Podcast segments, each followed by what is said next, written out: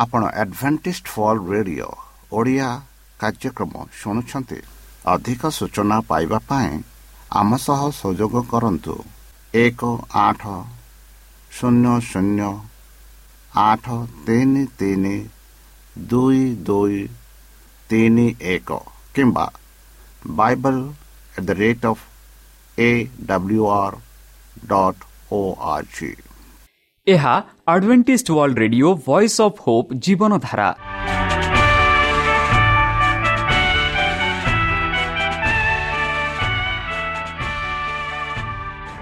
Odia radio କାର୍ଯ୍ୟକ୍ରମ ଯାହା ଆମର ଆନ୍ତର୍ଜାତୀୟ ଆଘାତ କେନ୍ଦ୍ରରୁ ପ୍ରସାରଣ କରାଯାଉଛି ପ୍ରତିଦିନ ରାତି ନଅଟା ତିରିଶ ମିନିଟ୍ରେ ମୁଁ ସୁବ୍ରତ କୁମାର ପତି ପ୍ରେମର ସହ ଆପଣମାନଙ୍କୁ ଏହି କାର୍ଯ୍ୟକ୍ରମକୁ ସ୍ୱାଗତ କରୁଅଛି ଚାଲନ୍ତୁ ଆଜିର ତିରିଶ ମିନିଟ୍ର କାର୍ଯ୍ୟକ୍ରମ ବିଷୟରେ ଜାଣିନେବା ପ୍ରଥମେ ରଖିଛୁ ଆଧ୍ୟାତ୍ମିକ ଭକ୍ତିମୟ ଗୀତ। ଏହାପରେ ଶୁଣିବା ସ୍ୱାସ୍ଥ୍ୟ ବିଷୟରେ ଯାହା ଆମର ଦୈନିକ ଜୀବନରେ ଅତ୍ୟନ୍ତ ଜରୁରୀ। ଆଉ ପରିଶେଷରେ ଶୁଣିବା ପରମେଶ୍ୱରଙ୍କ ଭକ୍ତଙ୍କଠାରୁ ଜୀବନଦାୟକ ଈଶ୍ୱରଙ୍କ ବାକ୍ୟ। ପ୍ରିୟ ଶ୍ରୋତା ତାହେଲେ ଚାଲନ୍ତୁ ଶୁଣିବା ଏକ ଆଧ୍ୟାତ୍ମିକ ଭକ୍ତିମୟ ଗୀତ।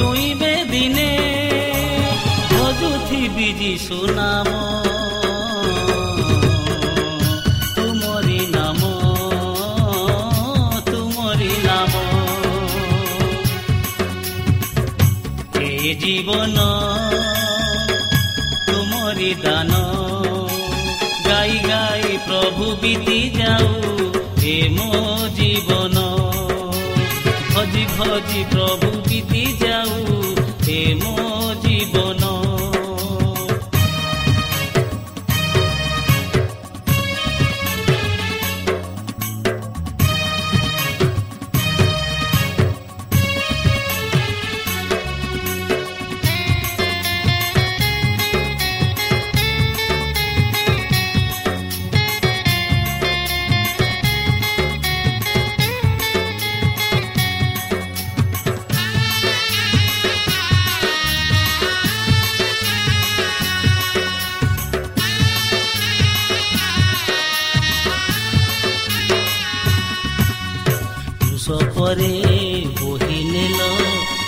ଥିଲା ଯେତେ ମୋର ପାପ ରକତରେ ଧୋଇଦେଲ ଥିଲା ଯେତେ ଅଭିଶାପ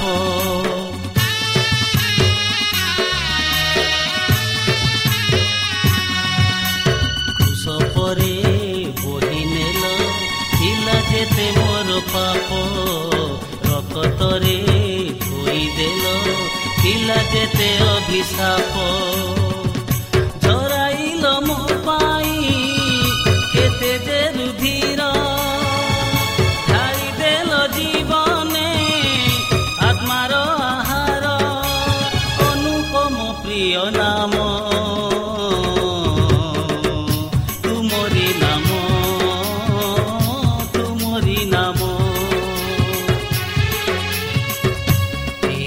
ଜୀବନ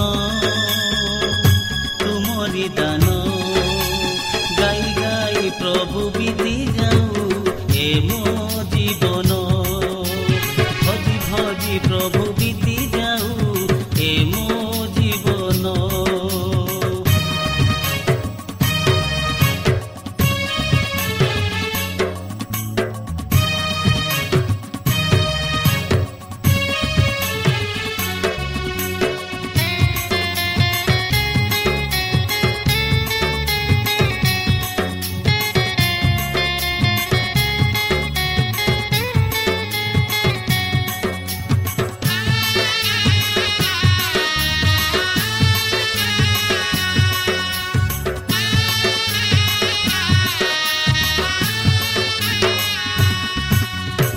ପଡ଼ିଥିଲି ଅନ୍ଧାରେ ମୁଁ ନଥିଲା ଲୋକ।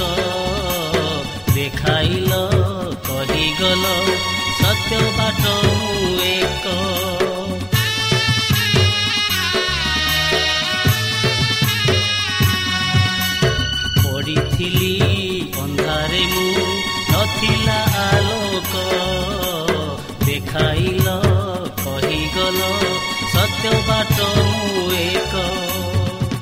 জীবনর সবু সুখ আজি পাই গলি যেতে জীবনে দুঃখ সবু ভুলি গলি ধন্য হেউ প্রভু নাম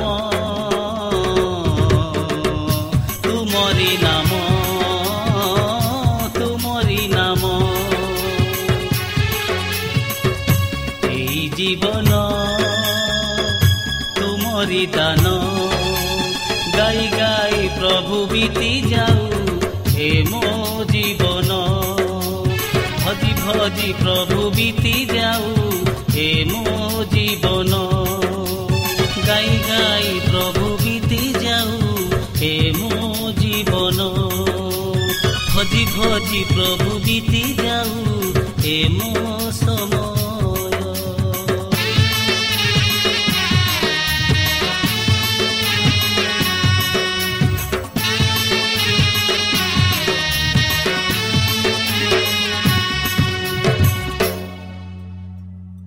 শ্রোতা, আমি আশা করুছু যে আমার কার্যক্রম আপনার পসন্দ লাগুব আপনার মতামত পাই আমার এই ঠিকার যোগাযোগ করতু আমার ঠিকনা advantage media centre SDA mission compound সাি park Pune চারি এক এক শূন্য তিন সাত মহারাষ্ট্র বা খোলন্তু আমার ওয়েবসাইট যেকোন Android phone smartphone desktop laptop কিংবা ট্যাবলেট আমার website W W W dot A W R dot O R G slash O R I ଏବଂ W W W dot Adventist media centre India dot O R G ବର୍ତ୍ତମାନ ଚାଲନ୍ତୁ ଶୁଣିବା ଈଶ୍ୱରଙ୍କ ଭକ୍ତଙ୍କଠାରୁ ଈଶ୍ୱରଙ୍କ ଜୀବନଦାୟକ ବାକ୍ୟ। ନମସ୍କାର ପ୍ରିୟ ଶ୍ରୋତା। ସେହି ସର୍ବଶକ୍ତି ସର୍ବଜ୍ଞାନୀ ପ୍ରେମର ସାଗର ଦୟାମୟ ଅନ୍ତର୍ଜମୀ ଅନୁଗ୍ରହ ପରମ ପିତାଙ୍କ ମଧୁର ନାମ ମୁଁ ପାଷ୍ଟ ପୂର୍ଣ୍ଣଚନ୍ଦ୍ର ଆଉ ଥରେ ଆପଣମାନଙ୍କୁ ଏହି କାର୍ଯ୍ୟକ୍ରମରେ ସ୍ୱାଗତ କରୁଅଛି। ସେହି ସର୍ବଶକ୍ତି ପରମେଶ୍ୱର ଆପଣମାନଙ୍କୁ ଆଶୀର୍ବାଦ କରନ୍ତୁ। ଆପଣଙ୍କୁ ସମସ୍ତ ପ୍ରକାର ଦୁଃଖ କଷ୍ଟ ବାଧା କ୍ଲେଶ ଓ ରୋଗରୁ ଦୂରେଇ ରଖନ୍ତୁ। ଶତ୍ରୁ ଶୈତାନ ହସ୍ତରୁ ସେ ଆପଣଙ୍କୁ ସୁରକ୍ଷାରେ ରଖନ୍ତୁ। ସେହି ପରମେଶ୍ୱର ଆପଣଙ୍କ ସମସ୍ତ ମନୋକାମନା ପୂର୍ଣ୍ଣ କରନ୍ତୁ। ତାହାଙ୍କ ପ୍ରେମ ତାହାଙ୍କ ସ୍ନେହ ତାହାଙ୍କ କୃପା ତାହାଙ୍କ ଅନୁଗ୍ରହ ସଦାସର୍ବଦା ଆପଣଙ୍କଠାରେ ସହବର୍ତ୍ତୀ ରହୁ। ପ୍ରିୟ ଶ୍ରୋତା ଚାଲନ୍ତୁ। ଆଜି ଆମ୍ଭେ କିଛି ସମୟ ପବିତ୍ର ଶାସ୍ତ୍ର ବାଇବଲଠୁ ତାହାଙ୍କ ଜୀବନଦାୟକ ବାକ୍ୟ ଧ୍ୟାନ କରିବା। ଆଜି ଆମେ ବିଶେଷ ଭାବରେ ଆଲୋଚନା କରିବା ଆମର ସାମାଜିକ ପ୍ରକୃତି। ଶାରୀରିକ ପ୍ରକୃତି ଆମେ ଦେଖିଲୁ ଆଜି ଆମେ ଆମ ସାମାଜିକ ପ୍ରକୃତି ଦେଖିବା। ଯେପରିକି ଉପଦେଶ ଅଠର ଚବିଶରେ ଲେଖାଯାଇଅଛି ଯେ ଅନେକ ମିତ୍ର କରେ ସେ ଆପଣା ବିନାଶ ନିମନ୍ତେ ତାହାର କରେ। ମାତ୍ର ଜଣେ ପ୍ରେମକାରୀ ଅଛନ୍ତି ଯେ ଭାଇ ଅପେକ୍ଷା ଅଧିକ ନିକଟକୁ ଲାଗି ରହନ୍ତି। ବନ୍ଧୁ ଆମେ ସମସ୍ତେ ଏଇ ଯେଉଁ ସମାଜରେ ସମାଜରେ ବାସ କରୁଅଛୁ। ଆମମାନଙ୍କ ସାମାଜିକ ଜୀବନ କିପରି ଥିବାର ଅଛି? ଆମର ସମ୍ପର୍କ ଅନ୍ୟମାନଙ୍କ ଠାରେ କିପରି ଥିବାର ଅଛି? ଆମର ପାରିବାରିକ ଜୀବନ କିପରି ଥିବାର ଅଛି? ତା ବିଷୟରେ ଆମେ କିଛି ସମୟ ପାଇଁ ଆଲୋଚନା କରିବା। ପିତା ପୁତ୍ର ଏବଂ ପବିତ୍ର ଆତ୍ମାର ପରସ୍ପର ସମ୍ପର୍କକୁ ଆମେ ଆମର ସାମାଜିକ ପ୍ରକୃତି ବିଷୟରେ କ'ଣ ଦେଖିପାରିବା? ମାନବିକତାର ଈଶ୍ୱରଙ୍କ ଏହି ପ୍ରତିମୂର୍ତ୍ତିର ଅର୍ଥ ନୁହେଁ ଯେ ମାନବ ଜାତି କେବଳ ବ୍ୟକ୍ତି ବିଶେଷକ ଏକ ସମୂହ ସମସ୍ତଙ୍କର ନିଜତ୍ୱ ଅଲଗା ଭାବମୂର୍ତ୍ତ ଅଛି। ପିତା ପୁତ୍ର ଓ ଆତ୍ମାର ତିନି ବ୍ୟକ୍ତି ବ୍ୟକ୍ତି ଭାବରେ ପରସ୍ପର ସମ୍ପର୍କ ସୂଚର ସୂଚିତ କରେ ଯେ ଈଶ୍ୱରଙ୍କ ପ୍ରତିମୂର୍ତ୍ତି ଏବଂ ତେଣୁ ମାନବିକତାର ପ୍ରକୃତି ସାମାଜିକ ଜୀବ ଭାବରେ ମନୁଷ୍ୟର ସମ୍ବିଧାନର ଦେଖିବାକୁ ମିଳେ। ମନୁଷ୍ୟ ହେବା ହେଉଛି ସମ୍ପର୍କରେ ରହିବା। ମନୁଷ୍ୟ ଏକୁଟିଆ ରହିବା ଭଲ ନୁହେଁ ଏହିପରି ଆମେ ଆଦି ପୁସ୍ତକ ଦୁଇ ଅଠରେ ଦେଖୁଅଛୁ। କେବଳ ଆଦମ ନୁହନ୍ତି ସମସ୍ତ ମଣିଷ ଅନ୍ତର୍ଭୁକ୍ତ ଥିଲେ। ଏହିପରି ଆଦି ପୁସ୍ତକ ଦୁଇ ଅଠରେ ଆମେ ଦେଖାଉଛୁ ପ୍ରସଙ୍ଗ ହେଉଛି ସୃଷ୍ଟି ସପ୍ତାହ ଏବଂ ସ୍ୱାମୀ ସ୍ତ୍ରୀ ଭାବରେ ପୁରୁଷ ଓ ସ୍ତ୍ରୀ ସମ୍ପର୍କ।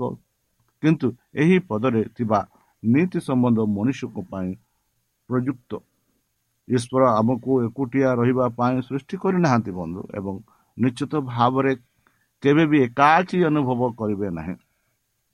ସେ ଆମକୁ କହିବା ସମ୍ପର୍କ ବିବାହ ସମ୍ପର୍କ ପରିବାର ବନ୍ଧୁତା କିମ୍ବା ତିନୋଟି ମାଧ୍ୟମରେ ସାଥି ପାଇଁ ସୃଷ୍ଟି କରିଥିଲେ।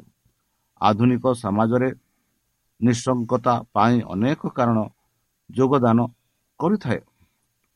ଧର୍ମ ନିରପେକ୍ଷତା ବ୍ୟକ୍ତିତ୍ୱ ଉପଲବ୍ଧିତ ଅଧିଗ୍ରହଣ ଓ ରୂପ ହିଁ ଏହାର ମୁଖ୍ୟ ଦୋଷୀ। ଧର୍ମ ନିରପେକ୍ଷତା ଲୋକମାନଙ୍କୁ ପରମ ଉଦ୍ଦେଶ୍ୟ ଏବଂ ଈଶ୍ୱରଙ୍କ ସହିତ ସମ୍ପର୍କର କୌଣସି ଭାବନାର ବିଚ୍ଛିନ୍ନ ବିଚ୍ଛିନ୍ନ କରିଦିଏ ନାହିଁ।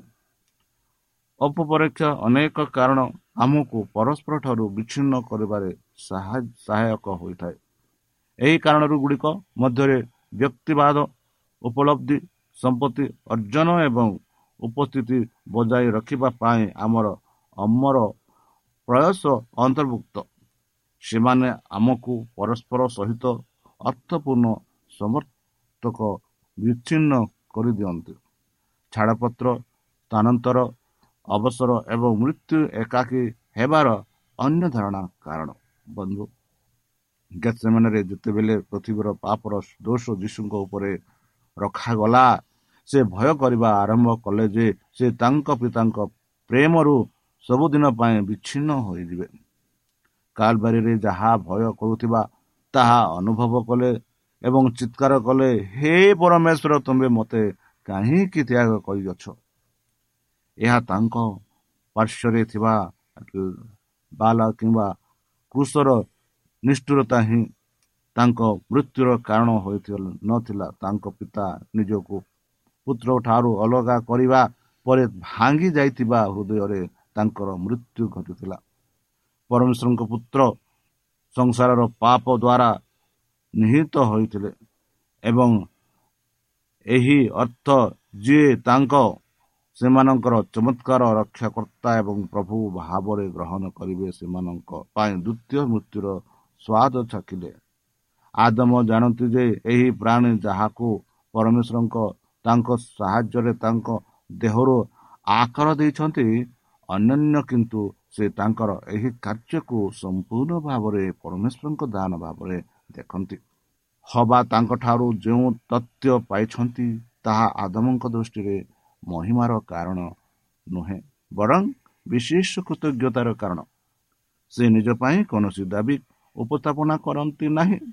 ଯିଏ ଜାଣନ୍ତି ଯେ ସେ ଯେ ସେ ଏହି ଅବଙ୍କ ସହିତ ସମ୍ପୂର୍ଣ୍ଣ ନୂତନ ଉପାୟରେ ଜଡ଼ିତ ଅଟନ୍ତି। ଯିଏ ତାଙ୍କଠାରୁ ତାଙ୍କର ଅସ୍ତିତ୍ୱ ହାସଲ କରନ୍ତି ଏହି ଏକତାକୁ ବର୍ଣ୍ଣନା କରି କହିବା ଭଲ ଯେ ବର୍ତ୍ତମାନ ସେ ତାଙ୍କର ଅଟନ୍ତି କାରଣ ସେ ତାଙ୍କର ଅଟନ୍ତି। ସେମାନେ ଆଉ ପରସ୍ପର ବିନା ନାହାନ୍ତି। ସେମାନେ ଗୋଟିଏ ଏବଂ ତଥାପି ଦୁଇ ଜଣ ବନ୍ଧୁ ବିବାହ ସମ୍ପର୍କ ବର୍ତ୍ତମାନ ଖ୍ରୀଷ୍ଟ ଏବଂ ତାଙ୍କ ଚର୍ଚ୍ଚ ମଧ୍ୟରେ ସମ୍ପର୍କର ପ୍ରତିଫଳନ ଭାବରେ ସ୍ଥିର ହୋଇଛି। ଏହା ଏକ ଅକଳ୍ପନୀୟ ଉଚ୍ଚ ସ୍ତରକୁ ବୃଦ୍ଧି କରିପାରିବା ପାଇଁ ପ୍ରଥମ କରନ୍ତି ଏଗାର ବାରରେ ପାଉଲ ଏକ ଶୃଙ୍ଖଳ ଶୃଙ୍ଖଳାକୁ ଚିହ୍ନଟ କରି ସାରିଛନ୍ତି। ଯେଉଁଥିରେ ପରମେଶ୍ୱରଙ୍କୁ କୃଷ୍ଣଙ୍କ ମୃତ୍ୟୁ ଖ୍ରୀଷ୍ଟଙ୍କ ମନୁଷ୍ୟର ମୁଖ୍ୟ ଏବଂ ପରସ୍ପର ନାରୀର ମୁଖ୍ୟ ଭାବରେ ଦେଖାଯାଏ। ଏଠାରେ ସେ ଏହାକୁ ଅନ୍ୟ କୋଣରୁ ଦେଖୁଛନ୍ତି। ଯଦି ସ୍ତ୍ରୀର ମୁଖ୍ୟ ମୁଖ୍ୟ ପୁରୁଷ ଏବଂ ଚର୍ଚ୍ଚର ମୁଖ୍ୟ ଖ୍ରୀଷ୍ଟ ଅଟନ୍ତି। ଯାହାକି ଏପିସି ଏକ ବାଇଶ ଚାରି ବାର ଷୋହଳରେ ଆମେ ଦେଖୁଛୁ। ତାପରେ ପତ୍ନୀଙ୍କ ତାଙ୍କ ସ୍ୱାମୀଙ୍କ ସହିତ ସମ୍ପର୍କ ଏବଂ କୃଷ୍ଣଙ୍କ ସହିତ ଚର୍ଚ୍ଚର ସମ୍ପର୍କ ମଧ୍ୟରେ ଏକ ସମାନତା ଆଙ୍କିବା ଅନୁମୋଦିନ ଅଟେ। ତେଣୁ ବିବାହକୁ ଉତ୍କୃଷ୍ଟ ଶବ୍ଦରେ ବ୍ୟାଖ୍ୟା କରାଯାଏ। ଏହାକୁ ମେଣ୍ଢାର ବିବାହ ସହ ତାଙ୍କ କନ୍ୟାଙ୍କ ସହ ତୁଳନା କରାଯାଇଅଛି ବନ୍ଧୁ ଯେହେତୁ ପରମେଶ୍ୱର ଆଦମ ଏବଂ ହବାଙ୍କ ପରସ୍ପର ପରି ପରକୁ କରିବାକୁ ଚାହୁଁଥିଲେ ତେଣୁ ଦୁହେଁ ସେମାନଙ୍କ ସମ୍ପର୍କରେ ସମ୍ପୂର୍ଣ୍ଣତା ପାଇଲେ। ଏହା ଏକ ଚମତ୍କାର ଯେ ଦୁଇଟି ପୃଥକ ଇଚ୍ଛା ଏପରି ଏକତା ହାସଲ କରିବା ଉଚିତ। ଯେହେତୁ ପ୍ରତ୍ୟେକ ବ୍ୟକ୍ତି ଅନୁଭବ କରନ୍ତି ଯେ ପରସ୍ପର ବିନା ଜୀବନ ମୂଲ୍ୟହୀନ ମାନେ ହୁଏ ତେଣୁ ଦୁହେଁ ପରସ୍ପର ପାଇଁ ବଳିଦାନ ଦେବାକୁ ଆଗ୍ରହୀ। ଇସ୍ରାଏଲର ଅଭିଯୋଗ ଓ ଅସନ୍ତୋଷକୁ ପରମେଶ୍ୱର ଦୀର୍ଘ ଦିନ ଧରି ସହ କରି ଆସୁଥିଲେ। ଈଶ୍ୱରୀୟ ଧୈର୍ଯ୍ୟର ଅନ୍ତ ଘଟିଲା। ଲୋକମାନେ ଯେଉଁ ସମୃଦ୍ଧି ଓ ଗୌରବ ପାଇବେ ବୋଲି ଆଶା କରିଥିଲେ ତାହା ଆସିନଥିଲା। ତେଣୁ ସେମାନେ ପରମେଶ୍ୱରଙ୍କ ନ୍ୟାୟ ଏବଂ ପବିତ୍ରତା ଏପରିକି ତାଙ୍କ ଭବିଷ୍ୟତ ବିଚାର ନିଶ୍ଚିତ ଉପରେ ପ୍ରଶ୍ନ ଉଠାଇଥିଲେ। ସେମାନେ ଭଲ ବୋଲି ମନେ କଲେ। ସେମାନେ ବିଶ୍ୱାସ କରୁଥିଲେ ଯେ ଯେହେତୁ ସେମାନେ କିଛି ମାତ୍ରାରେ ସମୃଦ୍ଧ ହୁଅନ୍ତି ପରସ୍ପର ପରମେଶ୍ୱର ସେମାନଙ୍କୁ ଅନୁମୋଦନ କଲେ। ସେମାନେ ନିଜ ବିଶ୍ୱାସକୁ ଅସ୍ୱୀକାର କଲେ। ନାହିଁ କିମ୍ବା ପରମେଶ୍ୱରଙ୍କ ବିରୁଦ୍ଧରେ ଗଲେ ନାହିଁ। କିନ୍ତୁ ସେମାନେ ସନ୍ଦେହ କରିଥିଲେ ଯେ ମୁଁ ପ୍ରକୃତରେ ସେମାନଙ୍କୁ ଚରିତ୍ରକୁ ନେଇ ଚିନ୍ତିତ। ବନ୍ଧୁ ପରମେଶ୍ୱର ସେମାନଙ୍କୁ ଛାଡ଼ପତ୍ର ସମ୍ବନ୍ଧୀୟ ନିୟମ ଦେବା ପୂର୍ବରୁ ଯାହା ଆମେ ଦେଖୁଅଛୁ ଇସ୍ରାଏଲୀୟ ମାନେ ପ୍ରାଚୀନ ଦୁନିଆରେ ଯାହା ସାଧାରଣ ଥିଲା ତାହା କଲେ। ସେମାନେ ପତ୍ନୀକୁ ଘରୁ ବାହାରକୁ ଯିବାକୁ ଆଦେଶ ଦେଇ ଛାଡ଼ପତ୍ର ଦେଇଥିଲେ। କୌଣସି ମହିଳା ନିଜ ବାପା କିମ୍ବା ସ୍ୱାମୀ ସହ ଜଡ଼ିତ ନଥିବା ଏକ ଲଜ୍ଜାଜନକ ବୋଲି ବିବେଚନା କରାଯାଉଥିଲା ଏବଂ ଏକ ସହାନୁଭୂତିହୀନ ସମାଜରେ ନିଜକୁ ରକ୍ଷା କରିବାକୁ ପଡ଼ିଥାଏ। ପରିସ୍ଥିତିରେ ଉନ୍ନତି ଆଣିବା ଆଶାରେ ଈଶ୍ୱର ଆଦେଶ ଦେଇଥିଲେ ଯେ ଜଣେ ମହିଳାକୁ ଛାଡ଼ପତ୍ର ହୋଇଥିବା ପରିଚୟ ଦେଇ ଏହି ସାର୍ଟିଫିକେଟ୍ ଦିଆଯାଏ ଯାହାଦ୍ୱାରା ସେ ଆଇନଗତ ଏବଂ ଠିକ୍ ଭାବରେ ଅନ୍ୟର ପତ୍ନୀ ହୋଇପାରିବେ। ତେଣୁ ଏହି ଆଇନ ଛାଡ଼ପତ୍ରକୁ ମଞ୍ଜୁରୀ କରିବା ଉଦ୍ଦେଶ୍ୟରେ ନୁହେଁ ବରଂ ଜଣେ ମହିଳାକୁ ବନ୍ଧୁ ସ୍ୱାମୀଠାରୁ ରକ୍ଷା କରିବା ଉଦ୍ଦେଶ୍ୟରେ ଏକ କ୍ଷତିକାରକ ପ୍ରଥୁକାକୁ ସଂଶୋଧନ କରିବା ପାଇଁ ଉଦ୍ଦିଷ୍ଟ ଥିଲା। ବନ୍ଧୁ ଛାଡ଼ପତ୍ର କିମ୍ବା ବହୁ ବିବାହ ପ୍ରଥାକୁ ଈଶ୍ୱର କେବେ ବି ଅନୁମୋଦନ କରିନଥିଲେ ବରଂ ଧୀରେ ଧୀରେ ଲୋକମାନଙ୍କୁ ଏଭଳି ପ୍ରଥାରୁ ଦୂରେଇ ରଖିବା ପାଇଁ ତାଙ୍କ ସହିତ କାମ କରିଥିଲେ। ସେ ମଶାଙ୍କୁ ଯେଉଁ ନିୟମ ଦେଇଥିଲେ ତାହା ତୁରନ୍ତ ବହୁ ବିବାହକୁ ଉଚ୍ଛେଦ କରିବା ପାଇଁ ନୁହେଁ ବରଂ ଏହାକୁ ଦୃଢ଼ ଭାବରେ ନିରୁତ୍ସାହିତ କରିବା ପାଇଁ ପ୍ରସ୍ତୁତ କରାଯାଇଥିଲା। ଫେଲୋସିପ୍ ପାଇଁ ଗ୍ରୀନ୍ ଗ୍ରୀକ୍ ଶବ୍ଦର ଅର୍ଥ ହେଉଛି ଏକ ସାଧାରଣ ଜୀବନ ଅଂଶଦାର କରିବା। ଭାଗିଦାରୀ ସହଭାଗିତା ଅଂଶଗ୍ରହଣ ଇତ୍ୟାଦି। ପ୍ରାଚୀନ ସାହିତ୍ୟରେ ଏକ ଏକ ଏହା ଏକ ସାଧାରଣତଃ ଉଦ୍ୟୋଗରେ ସମ୍ପତ୍ତିର ମୁଗ୍ଧ ମାଲିକ କିମ୍ବା ଅଂଶୀଦାର ଭାବରେ ବର୍ଣ୍ଣନା କରାଯାଇଅଛି ନୂତନ ନିୟମରେ ଏହାର ଅର୍ଥ ହେଉଛି ଆଲୋକିତ ଜୀବନରେ ଏକ ଅଂଶୀଦାର ହେବା ଅନ୍ୟ ବିଶ୍ୱାସୀମାନଙ୍କ ସହିତ ପୁନର୍ବାର ଜନ୍ମ ଗ୍ରହଣ କରିବା ଏବଂ ପିତା ଏବଂ ତାଙ୍କ ପୁତ୍ର ସହିତ ଯୀଶୁଖ୍ରୀଷ୍ଟଙ୍କ ସହିତ ସମ୍ପର୍କ ଖ୍ରୀଷ୍ଟିଆନ ମିଲନରେ ଈଶ୍ୱର ଉର୍ଦ୍ଧ ଏବଂ ଅନ୍ୟମାନଙ୍କ ସହିତ ଯାହାକି ହରିକଣ୍ଟ୍ରୋଲ ବା ସହିତ ଉଭୟ ଏକ ଲମ୍ବା ଏବଂ ଏକ ଆଡ଼ୱା ଦିଗ ମିଳନ ରହିଛି। ଏହାର ଅର୍ଥ ହେଉଛି ଯେ ଆମେ ବିଶ୍ୱାସୀମାନଙ୍କ ଏକ ସମୁଦାୟ ଏବଂ ତେଣୁ ଆମେ ପରମେଶ୍ୱରଙ୍କ ବାକ୍ୟ ଏବଂ ଖ୍ରୀଷ୍ଟଙ୍କ ଆତ୍ମାକୁ ବାହକ। ପିତା ଆମକୁ ପବିତ୍ର ଆତ୍ମାର ଉପହାର ପ୍ରଦାନ କରିବା ମାତ୍ରେ ଆମେ ସହଭାଗିତାର ଏକ ଅଂଶ ଅଛୁ। ଯେଉଁମାନେ ପ୍ରକୃତରେ ଈଶ୍ୱରଙ୍କ ଭଲ ପାଆନ୍ତି ଖ୍ରୀଷ୍ଟିଆନ ସମାଜ ଏବଂ ବାର୍ତ୍ତାଳାପ ଆତ୍ମାର ଖାଦ୍ୟ ଅଟେ। ଯେଉଁମାନେ ପରମେଶ୍ୱରଙ୍କୁ ଭଲ ପାଆନ୍ତି ସେମାନଙ୍କ ସମାଜରେ ସେମାନେ ସ୍ୱର୍ଗର ବାତାବରଣରେ ନିଶ୍ୱାସ ନିଅନ୍ତି। ଖ୍ରୀଷ୍ଟିଆନ ମାନେ ପରସ୍ପର ପ୍ରତି ଭଲ ପାଇବା ଓ ସହାନୁଭୂତି ପ୍ରୟୋଗ କରିବେ ପରସ୍ପରକୁ ଦିଆଯାଇଥିବା ପ୍ରୋତ୍ସାହନ ପରସ୍ପର ପ୍ରତି ପ୍ରକାଶିତ ସମ୍ମାନ ସାହାଯ୍ୟ ନିର୍ଦ୍ଦେଶ ନିନ୍ଦା ଚେତାବନୀ ଖ୍ରୀଷ୍ଟଙ୍କ ଅନୁଗାମୀମାନଙ୍କ ମଧ୍ୟରେ ମିଳିବାକୁ ଥିବା ଖ୍ରୀଷ୍ଟିଆନ ଉପଦେଶରେ ଆଧ୍ୟାତ୍ମିକ ଜୀବନରେ ଆଗକୁ ବଢ଼ାଇବା। କାରଣ ଖ୍ରୀଷ୍ଟିଆନ ମିଲନ ପରମେଶ୍ୱରଙ୍କ ଯୋଜନା ଅନୁଆଇ ଅଟେ। ଲୁଟ୍ ଓ ମାର୍ଡ ଖାଉଥିବା ବ୍ୟକ୍ତି ଜଣଙ୍କ ଜଣେ ଜଣେ ଇହୁଦୀ ଥିଲେ ଯିଏ ଜେରୁସାଲାମରୁ ଜିରିକୋ ଅଭିମୁଖେ ଯାତ୍ରା କରୁଥିବା ବେଳେ ସାମାରିଙ୍କ ଜାଣିଥିଲେ ଯେ ଯଦି ସେ ପୀଡ଼ିତା ହୋଇଥାନ୍ତେ ଏବଂ ଜଣେ ଇହୁଦୀ ସେଠାରୁ ଯାଇଥିଲେ ତେବେ ସେ କୌଣସି ଦୟା ଆଶା କରିପାରିବେ ନାହିଁ।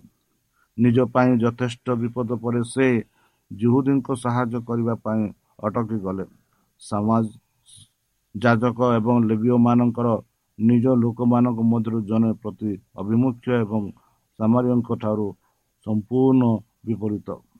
ପରସ୍ପର ପ୍ରତି ଉଭୟ ପକ୍ଷର ଘୃଣାକୁ ଦୃଷ୍ଟିରେ ରଖେ ଅନ୍ୟ ଜାତିର କାହା ପ୍ରତି ସମରିଟନ୍ ଯେଉଁ ଦୟା ଓ ଦୟା ଦେଖାଇଥିଲେ ତାହା ଅଧିକ ଉଲ୍ଲେଖନୀୟ। ସେହି ସମୟରେ ସମରିଟନ୍ କୁହାଯିବା ଏକ ଶୈତାନ ବୋଲି କୁହାଯାଉଥିଲା ବା ବିଜାତି ବୋଲି କୁହାଯାଉଥିଲା। ଅଲି ପର୍ବତରେ ଖ୍ରୀଷ୍ଟ ତାଙ୍କ ଶିଷ୍ୟମାନଙ୍କ ମହାନ ନ୍ୟାୟ ଦିବସର ଏକ ଚିତ୍ର ଦେଇଥିଲେ ଏବଂ ସେ ଏହାର ନିଷ୍ପତ୍ତିକୁ ଗୋଟିଏ ପ୍ରସଙ୍ଗକୁ ବଦଳାଇବା ବୋଲି ଦର୍ଶାଇଥିଲେ। ଯେତେବେଳେ ଜାତିମାନେ ତାଙ୍କ ସମୂହରେ ଏକାଠି ହେବେ ସେତେବେଳେ କେବଳ ଦୁଇଟି ଶ୍ରେଣୀ ରହିବ ଏବଂ ଗରିବ ଏବଂ ଦୁଃଖର ବ୍ୟକ୍ତିଙ୍କ ଠାରେ ସେମାନେ ତାଙ୍କ ପାଇଁ କ'ଣ କରିଛନ୍ତି କିମ୍ବା କ'ଣ କରିବାକୁ ଅବହେଳା କରିଛନ୍ତି ତାହା ଦ୍ୱାରା ସେମାନଙ୍କର ଅନନ୍ତ ଭାଗ୍ୟ ନିର୍ଦ୍ଦେଶ କରେ। ଯେଉଁମାନେ ନ୍ୟାୟରେ ଖ୍ରୀଷ୍ଟ ପ୍ରଶଂସା କରନ୍ତି ସେମାନେ ଧର୍ମଶାସ୍ତ୍ର ବିଷୟରେ ଖୁବ୍ କମ୍ ଜାଣିଥିଲେ। କିନ୍ତୁ ସେମାନେ ତାଙ୍କ ନିୟତି ନିଜ ନୀତିକୁ ସମ୍ମାନ ଦେଇଛନ୍ତି। ଦିବ୍ୟ ଆତ୍ମାର ପ୍ରଭାବରେ ସେମାନେ ସେମାନଙ୍କ ବିଷୟରେ ଥିବା ଲୋକଙ୍କ ପାଇଁ ଆଶୀର୍ବାଦ ପାଲଟି ଦେଇଛନ୍ତି। ଏପରିକି ସେମାନେ ମଧ୍ୟ ଅଛନ୍ତି ଯେଉଁମାନେ ଦୟା ଭାବରେ ଭାବନାକୁ ସମ୍ମାନ ଦିଅନ୍ତି। ଜୀବନର କଥା ସେମାନଙ୍କ କାନରେ ପଡ଼ିବା ପୂର୍ବରୁ ସେମାନେ ମିଶନାରୀମାନଙ୍କ ସହ ବନ୍ଧୁତା କରୁଥିଲେ। ଏପରି ଜୀବନର ବିପଦରେ ସେମାନଙ୍କୁ ସେବା ମଧ୍ୟ କରୁଥିଲେ। ପବିତ୍ର ଆତ୍ମା ସେମାନଙ୍କ ହୃଦୟକୁ ସ୍ପର୍ଶ କରିଛନ୍ତି ଏବଂ ସେମାନେ ପରସ୍ମୁଖ ସନ୍ତାନ ଭାବରେ ପରିଚିତ ବୋଲି ସେମାନଙ୍କ କାର୍ଯ୍ୟ। ବନ୍ଧୁ ପୃଥିବୀର ପରମେଶ୍ୱର ଯେଉଁ ସବୁ ଜୀବ ସୃଷ୍ଟି କରୁଥିଲେ ସେମାନଙ୍କ ମଧ୍ୟରୁ ମନୁଷ୍ୟ ସହ ସମାନ କେହି ନଥିଲେ। ପରମେଶ୍ୱର କହିଲେ ମନୁଷ୍ୟ ଏକୁଟିଆ ରହିବା ଭଲ ନୁହେଁ। ମୁଁ ତାଙ୍କ ତାଙ୍କ ପାଇଁ ସାହାଯ୍ୟ କରିବି। ଏହିପରି ଆଦି ପୁସ୍ତକ ଦୁଇ ଅଠରେ ଆମେ ଦେଖୁଅଛୁ।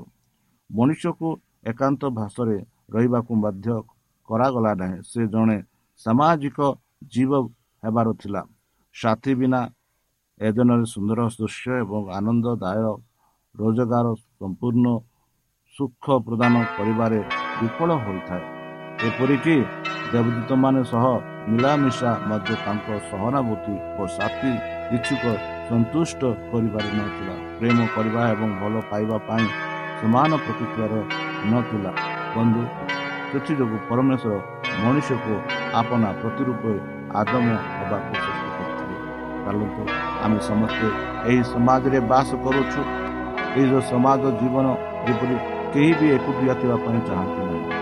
ଯେଉଁ ଯାହା ଯାହାର ଇଚ୍ଛା ଥିଲା କି ଆମେ ସମାଜରେ ଏକତା ରହୁ ଯେପରି ସ୍ୱାମୀ ବାର୍ତ୍ତା ଆଦମ ହବା ପ୍ରାରମ୍ଭରେ ଯେପରି ଥିଲେ ସେହିପରି ପ୍ରଭୁ ଚାହାନ୍ତି ଆମେ ଚାଲନ୍ତୁ ନିଜକୁ ସମର୍ପଣ କରି ତାହାଙ୍କ ମଧୁର ନାମେ ଆମେ ପ୍ରାର୍ଥନା କରିବା ଯେପରିକି ଆମ ସାମାଜିକ ଜୀବନ ଏକ ଆନନ୍ଦମୟ ଜୀବନ ହେ ଆମମାନଙ୍କ ସର୍ବଶକ୍ତି ସର୍ବଜ୍ଞାନୀ ପ୍ରେମର ସାଗର ଦୟାମୟ ଅନ୍ତର୍ଜମୀ ଅନୁଗ୍ରହ ପାଳନ କର ଧନ୍ୟବାଦ ଅର୍ପଣ କରୁଛୁ ପ୍ରଭୁ ବର୍ତ୍ତମାନ ଯେଉଁ ବାକ୍ୟ କ'ଣ ବର୍ତ୍ତମାନ ଶୁଣିଲେ ସେହି ବାକ୍ୟ ଅନୁସାରମାନଙ୍କୁ କରିବା ପାଇଁ ବୁଦ୍ଧିରେ ଜ୍ଞାନରେ ଶକ୍ତି ଆମ ପାପ ସବୁ ତୁମ ସେହି ବହୁମୂଲ୍ୟ ରକ୍ତରେ ପରିଷ୍କାର ରୂପେ ଧରି ଦିଅ ଆଉ ପରିଶ୍ରେଷ ଦେବେ ତୁମେ ତୁମ ସେହି ସାହସ ଦୂତଙ୍କ ସହ ଆସିବେ ସେତେବେଳେ ଆମମାନଙ୍କୁ ପ୍ରକାଶ ସ୍ଥାନ ଦିଅ ବୋଲି ପ୍ରାଣକର୍ତ୍ତା ପ୍ରଭୁ ଯୀଶୁଙ୍କ ମଧୁମୟ ନାମରେ ଏହି ଛୋଟ ବିଷୟ ହେଉଛି ତୁମେ ଗ୍ରହଣ କର ଆମେନ୍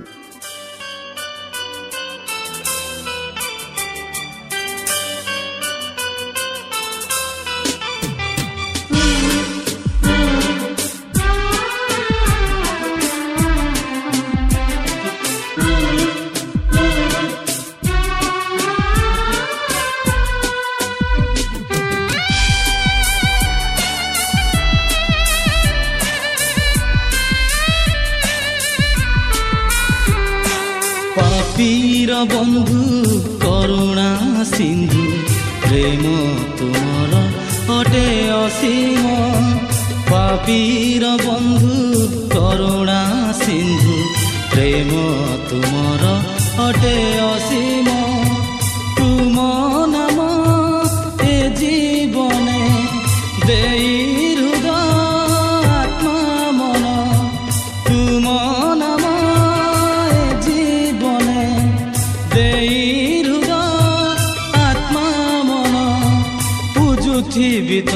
चरण। आहे सत्य सनातन। पापिर बंधु करुणा सिन्धु प्रेम तुमर अटे असीम। प्रेम म अटे असीम।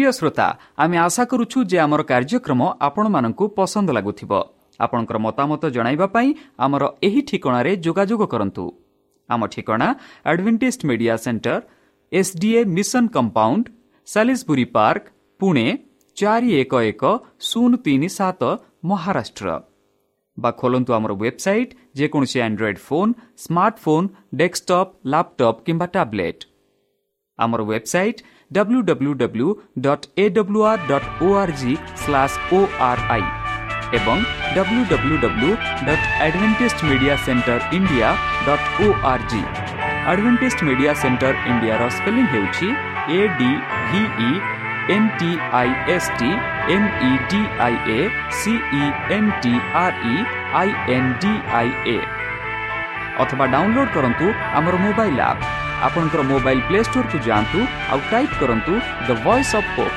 ଆଉ ଡାଉନଲୋଡ୍ କରନ୍ତୁ। ଈଶ୍ୱର ଆପଣଙ୍କୁ ଆଶୀର୍ବାଦ କରନ୍ତୁ। ଧନ୍ୟବାଦ।